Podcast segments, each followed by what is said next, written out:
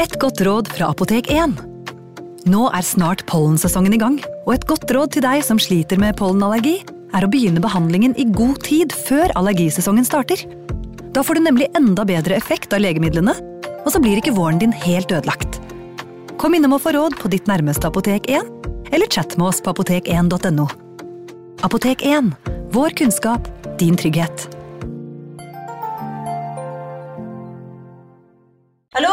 Jeg kommer fra Oslo politikammer. Ine Jansen er purk. Er du purk? The motherfucking bitch. Alt jeg vil, er å finne ut hva som skjedde med mannen min. Jon Carew. Er jeg sikta for noe? Iben Akeli. Det er du. Ole So, Lars Berrum og Big Daddy Karsten. Hvem sin side er du på, egentlig? Anette Hoff, Tone Danielsen, Kommer du fra Afrika? Jørnis Josef, Nesten kløfta. Trond Espen Seim, Det er synd å si det, men det var feil mann som døde. Purk. Premiere tirsdag på TV2 Play. Ungsamtalen fra DNB er økonomisk veiledning tilpasset deg som er ung. Bokk en ungsamtale på dnb.no. slash ung. Det er kjempebra hvis du skal inn på boligmarkedet, hvis det er drømmen din, liksom. Det er det du skulle sagt. Og så kunne du ropt litt mer, da, sånn som jeg gjorde. Bam! Advarsel. Historiene vi forteller i denne podkasten kan være fiktive og avvike fra den opprinnelige historien av dramaturgiske årsaker. Meninger og påstander i historiene reflekterer nødvendigvis ikke programledernes meninger eller virkeligheten.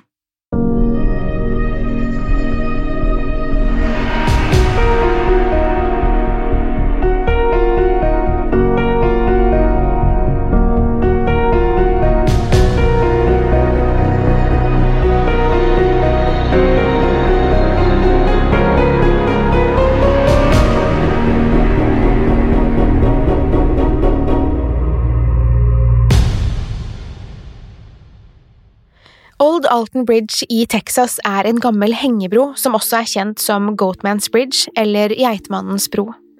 Broen er gammel, bygget i 1884. Originalt var det ment at hester med kjerre skulle krysse den, da broen knytter byene Denton og Copper Canyon sammen. Etter hvert som utviklingen fortsatte, begynte biler å kjøre over broen, for mellom 1850 og 1856 var tettstedet Alton hovedsete for Denton kommune. Broen ble brukt frem til 2001, da en ny bro ble bygget, mer rustet for den økende biltrafikken. Ved bruk av den gamle broen var det en regel som sa at alle biler skulle tute før de kjørte over den. Dette for å signalisere at det kom noen, da den gamle broen kun hadde én fil. Old Alton Bridge er fortsatt på samme sted som tidligere, selv om det var snakk om at den skulle flyttes flere ganger. Grunnen til at den ikke er flyttet, eller revet vekk for den saks skyld, kommer an på hvem du spør. De færreste vil si at grunnen er Geitmannen, men alle vet at det er slik det er. Har du ikke hørt om Geitmannen, da bør du følge med nå. Old Alton Bridge er nemlig kjent som Geitmannens bro på grunn av et gammelt sagn som går langt tilbake. En demonisk satyr skal holde til i området, og folk har vært redd ham i århundrer. Flere merkelige hendelser skal ha funnet sted ved denne broen. Blant annet i 1938, da en mann forferdelig nok ble hengt fra Old Alton Bridge av Ku Klux Klan. De hadde sikret at løkken satt godt rundt halsen hans, men da de dyttet han av broen, og tauet strammet seg, var mannen borte. Først trodde de at løkken ikke hadde vært stram nok, og mannen hadde falt ned i elven, men vannet under var helt rolig. Ingen tegn til at noen hadde falt i vannet. Det sies at de som krysser broen om kvelden, når det er mørkt, blir du møtt på den andre siden av Geitmannen. Gjennomsiktige skikkelser og uforklarlig lys kan ses i skogen. Besøkende har både blitt tatt på, dyttet på og fått steiner kastet etter seg. Flere paranormale etterforskere har vært på stedet, blant annet BuzzFeed Unsolved og Ghost Adventures. Det finnes ulike sagn og historier om Geitmannen. Alle er forskjellige, og utseendet er forskjellig. Offer og triggere varierer etter hvor i verden man er.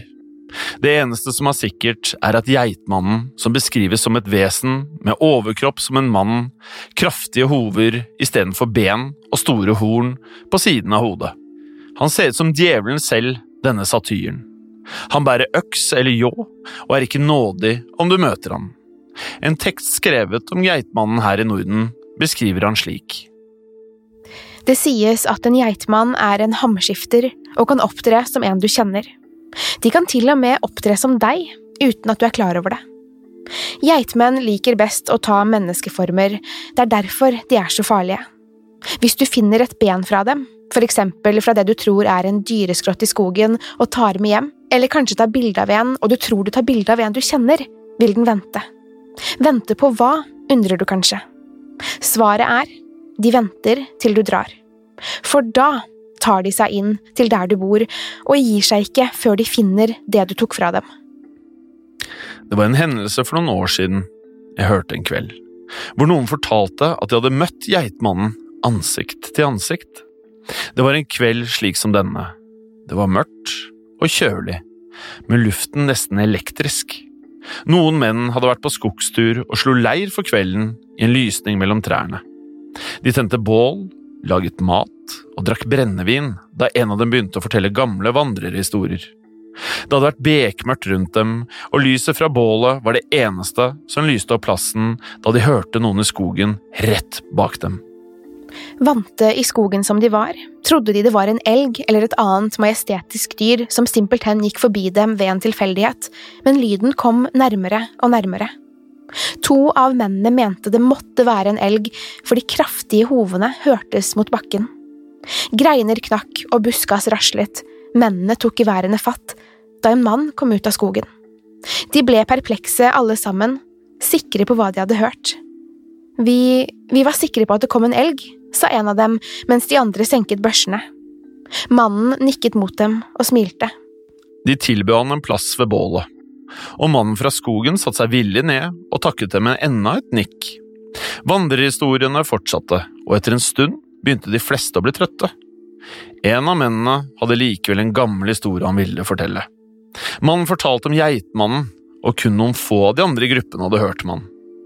En nabo av mannen, som bodde i samme område som de nå satt i, hadde jobbet i skogen. Han hadde hatt kveldsvakten, og om vinteren var det alltid mørkt gjennom hele vakten, som gikk fra fem om ettermiddagen til ett på natten. Det var en rutinert kar.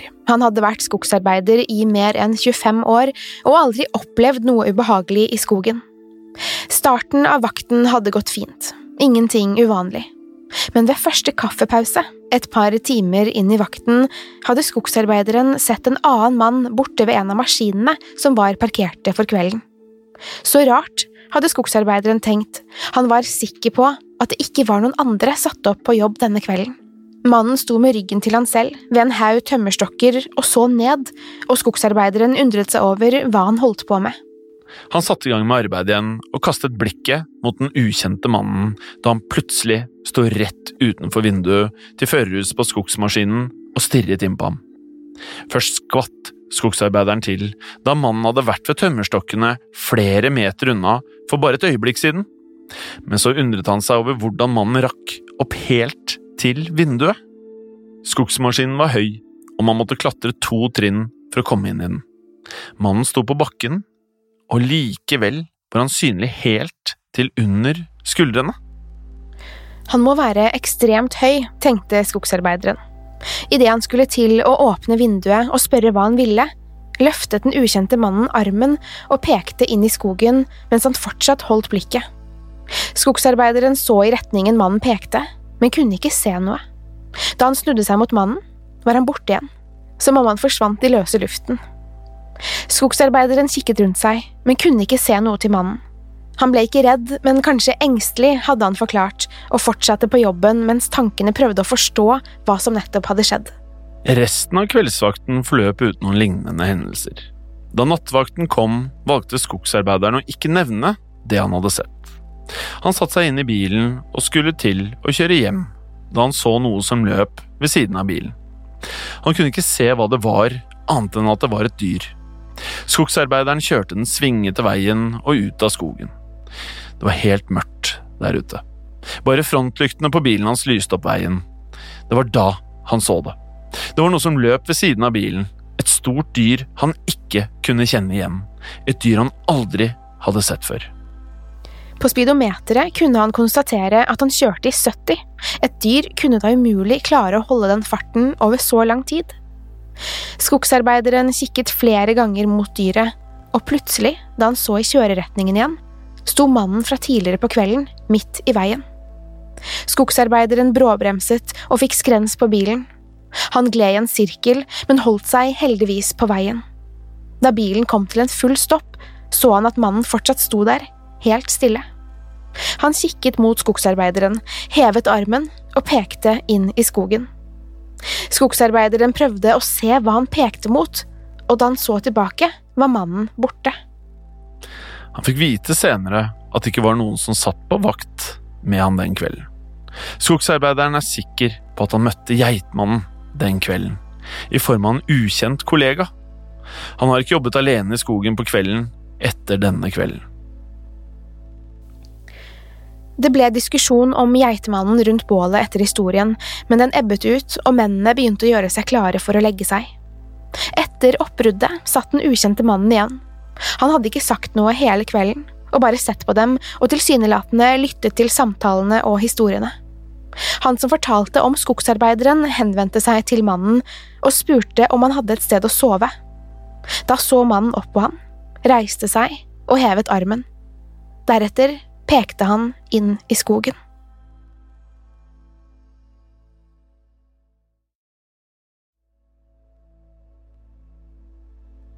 Nå skal vi få høre en historie om geitmannen fra delstaten Alabama, der en mann forteller om noe som hadde skjedd i hans ungdom.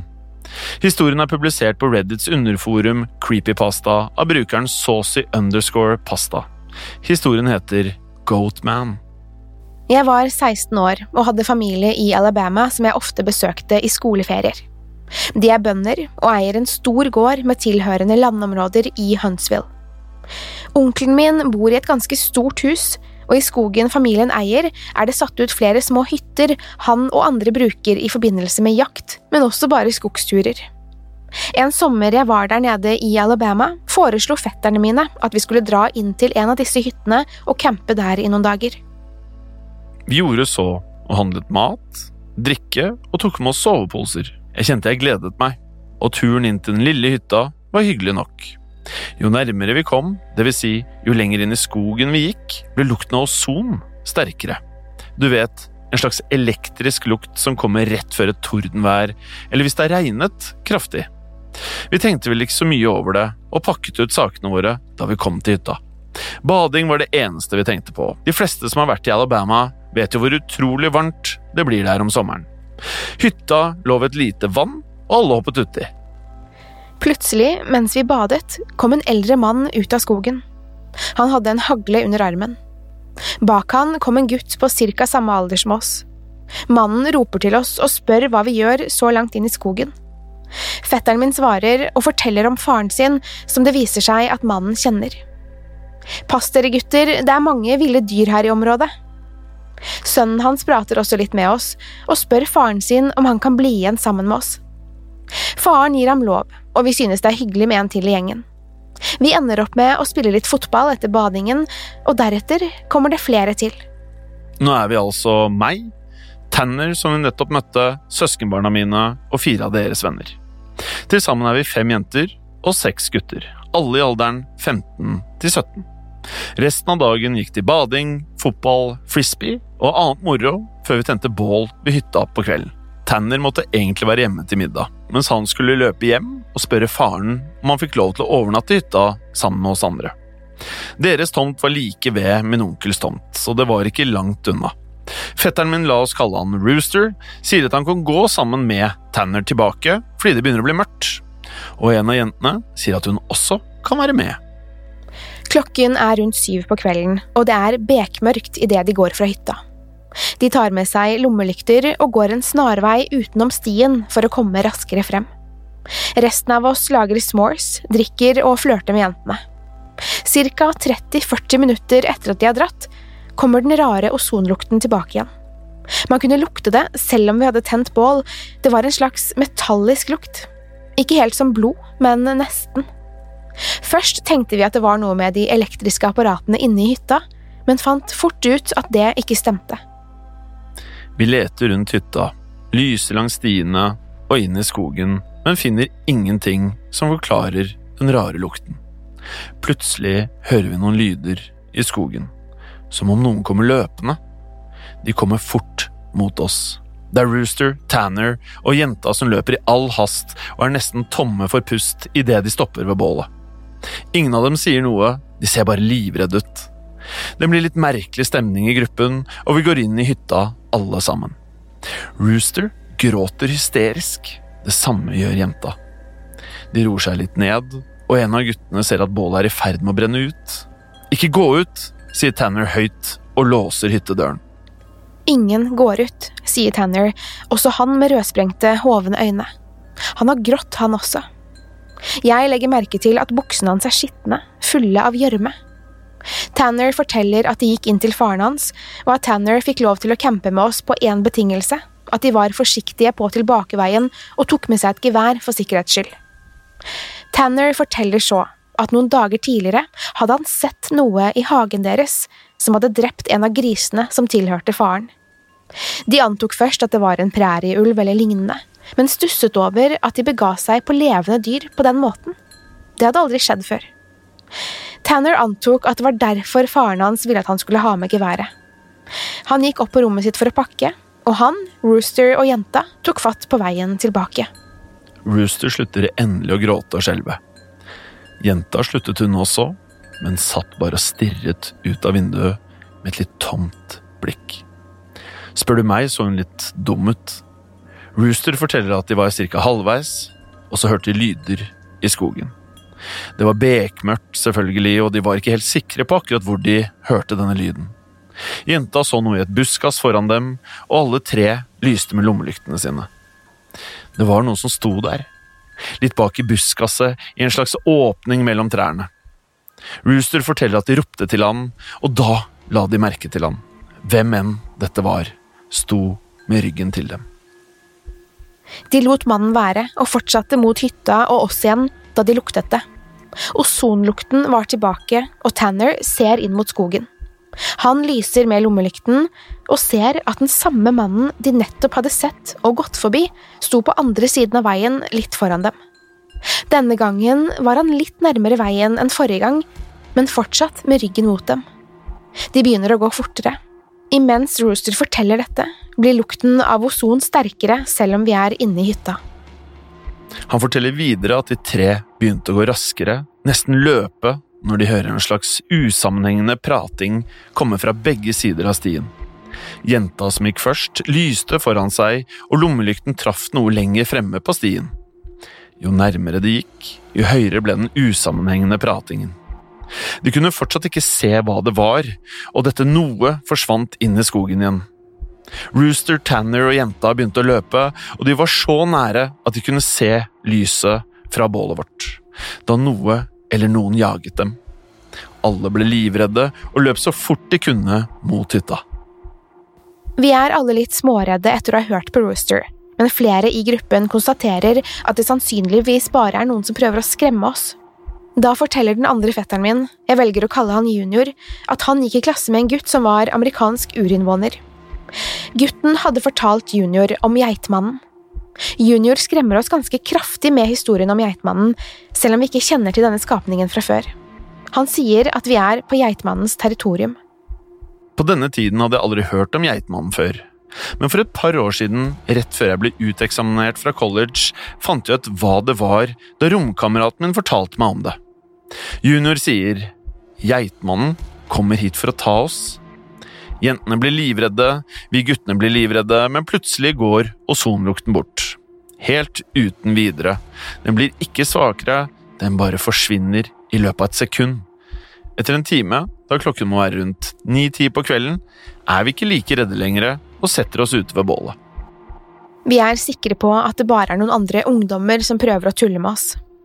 Vi får i gang bålet igjen, og bestemmer oss for å sove i hytta likevel, selv om flere i gruppen hadde lyst til å dra hjem. Ingenting skjer resten av kvelden. Heller ikke deler av natten. Men ca. klokken ett er vi fortsatt ute ved bålet. Vi drikker litt øl og forteller spøkelseshistorier. Idet en av guttene forteller ferdig sin historie, kommer ozonlukten tilbake. Den er nå så sterk at flere brekker seg, en av jentene kaster opp.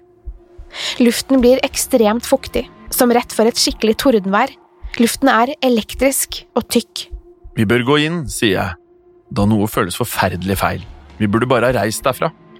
Det er lett å være etterpåklok. Alle sammen går vi inn i hytta, og Junior fortsetter med geitmannhistorien sin. Rooster, broren hans, ber han gi seg. Selv føler jeg fortsatt at noe er veldig feil, men jeg klarer ikke å sette fingeren på hva det er. Lukten er sterk inne i hytta også, og nå er alle ganske så redde.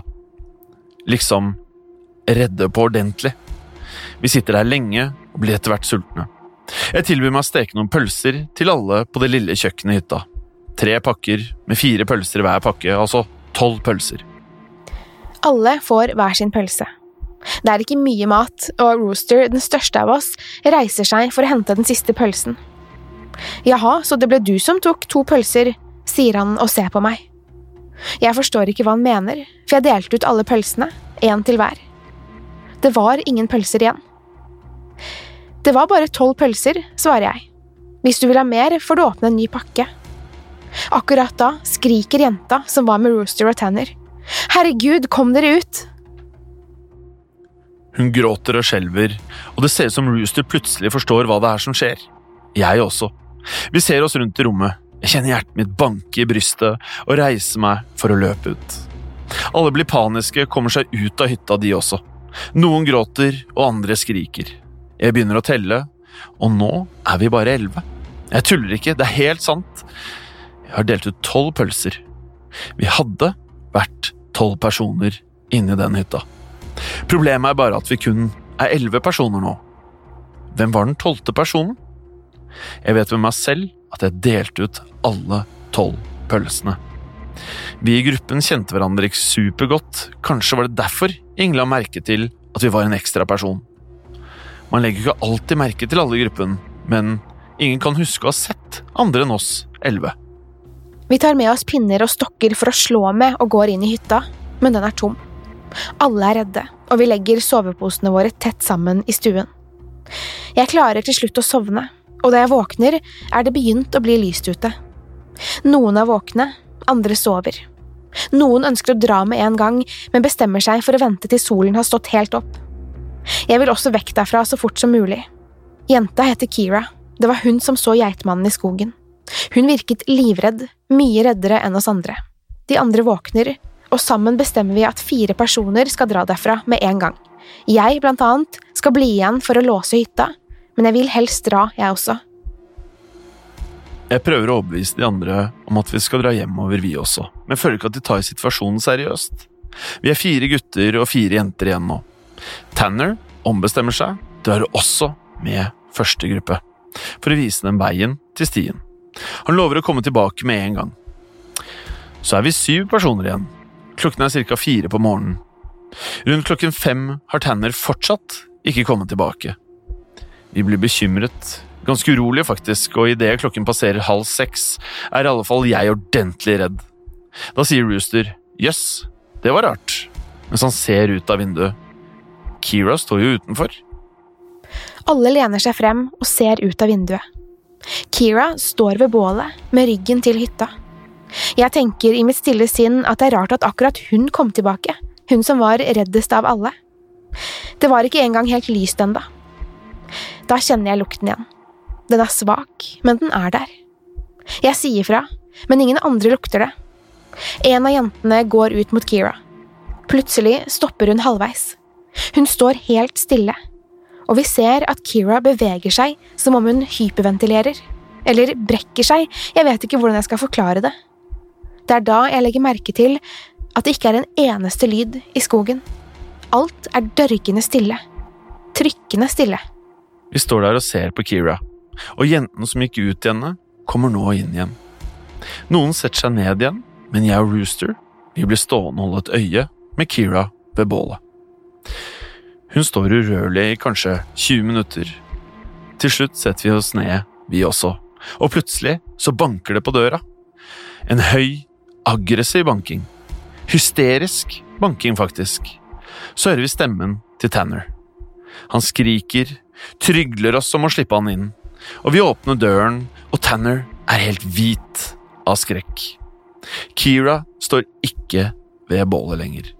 Tanner forteller at han fulgte de andre og snudde for å gå tilbake til oss.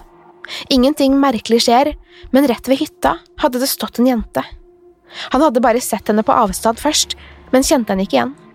Da han kom nærmere, snudde hun seg sakte mot han og stirret på han med et tomt blikk, som om hun plutselig stirret gjennom han. Han sa at han stoppet og la merke til at jenta kom nærmere han uten at hun beveget seg. Han løp andre veien og rundt hytta. Tanner er fortsatt veldig blek og hvisker mens han ser rundt på oss i det dunkle rommet. Dere vet at dere bare er seks personer, ikke sant? Jeg ser meg rundt, de andre også. Vi hadde vært syv da Tanner dro. Vi var sikre alle sammen. Fire dro med Tanner, og vi var tre gutter og fire jenter. Nå var vi syv med Tanner. Det hadde vært noen der inne sammen med oss, igjen. Geitmannen. Plutselig banker det på døren. Det høres ut som hover som banker, ikke en menneskeånd. Før jeg forklarer videre, lurer jeg på om du har hørt katten i YouTube-videoen som eieren mener snakker. Da jeg hørte lyden av den for noen år siden, tok stemmen meg rett tilbake til øyeblikket jeg skal fortelle dere om. Lyden har skremt så mange. Alle som har møtt Geitmannen, blir livredde for dette klippet. Det er ikke en morsom kattevideo, slik mange tror, det er stemmen til en geitmann. Lyden fra videoen er slik.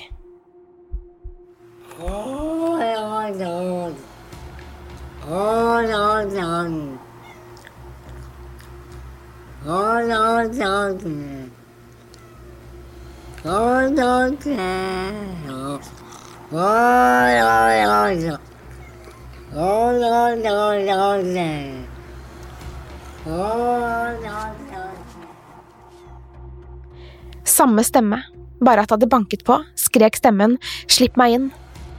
Vi skriker, gråter. Alle er livredde. Vi sitter helt stille. Slipp meg inn, roper stemmen. Slipp meg inn. Slipp meg inn. Jeg skjelver, gråter faktisk også. Vi sitter der i timer. Hele tiden hører vi stemmen utenfor som roper til oss. Vi hører den banke i veggene og på vinduene. Det fortsatte i timevis, men etter hvert hører vi skrikingen og bankingen sjeldnere og sjeldnere. Tanner sitter med geværet rettet mot døren og hvisker til oss andre at vi kan legge oss ned for å sove da det er blitt kveld igjen. Han skal nemlig holde vakt. Neste morgen var alt som normalt igjen. Ingen utenfor, og vi turte til slutt å pakke sakene våre og dra hjemover. Tanner hadde fortsatt geværet sitt fremme under hele hjemturen i tilfelle noe skulle hende, men vi kom oss hjem alle mann. Det var ikke før noen dager senere, da Tanner stakk innom gården til onkelen min, at han fortalte noe rart. Mens vi andre hadde sovnet, hadde også Tanner duppet av et par ganger. Han våknet av at noen hadde kommet ut fra toalettet, deretter gått og lagt seg blant oss. Først tenkte ikke Tanner noe over dette, men han kjente plutselig den metalliske lukten. Det var da han skjønte at noe var feil. Stille talte han oss. Vi var åtte i hytta. En iblant oss var Geitmannen. Tanner hadde ikke turt annet enn å ligge helt stille og late som om han sov, men holdt øye med skikkelsen resten av natten. Flere ganger hadde skikkelsen reist seg opp og beveget kroppen som om den hyperventilerte eller brakk seg, eller lo den kraftig. Deretter hadde den lagt seg igjen.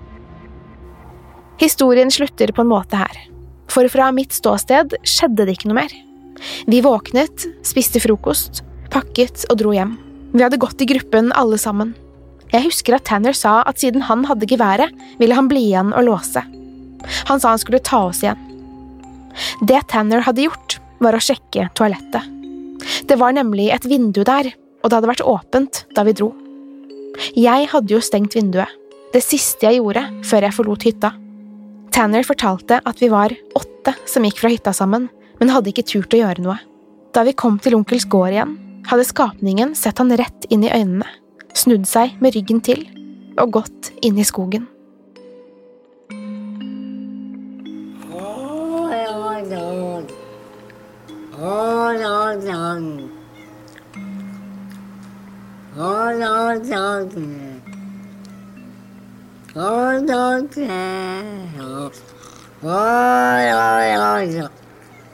Oh, no, no, no, no. 哦，然后。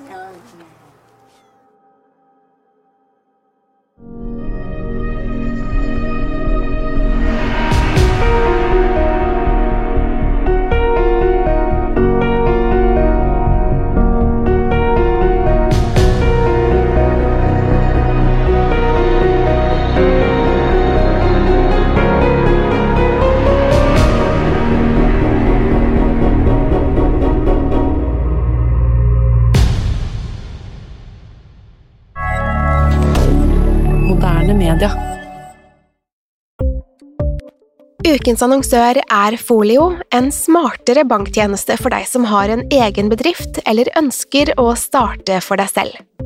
Folio er en superenkel nettbank for bedrifter. Som kunde i Folio får du en bedriftskonto med et bedriftskort og app. I denne appen er det smarte løsninger som forenkler regnskapet ditt, uansett om du har en liten bedrift eller et enkeltpersonsforetak. Folio er både intuitivt og brukervennlig, og er laget med et enkelt språk. I tillegg tilbyr de forutsigbare priser og ingen skjulte gebyrer. Skulle du likevel trenge det, så kan du snakke med deres raske og hyggelige kundeservice, og der får du prate med en faktisk person og ikke en chatbot. Folio er med andre ord både enklere og koseligere enn banken. Over 10 000 bedrifter har allerede valgt Folio som sin banktjeneste, så besøk folio.no og se hvordan Folio kan forenkle din hverdag også. Har du et enkeltpersonforetak eller en liten bedrift? Da er du sikkert lei av å høre meg snakke om hvor enkelt er med kvitteringer og bilag i fiken, så vi eh, gir oss her, vi. Fordi vi liker enkelt. Fiken superenkelt regnskap. Kiwi er billigst i VGs matbørs og har vært billigst i fire av de fem siste VGs matbørser. Og nå presser vi prisene på frukt og grønnsaker. På 200 gram broccolini setter vi prisen til 24,90. På 400 gram Cevita blåbær setter vi prisen til 49,90. Og husk, alle Kiwi Pluss-kunder får i tillegg 15% trumfbonus på all fersk frukt og grønt. For det er vi som er prispresserne. Og vi i Kiwi gir oss aldri på pris.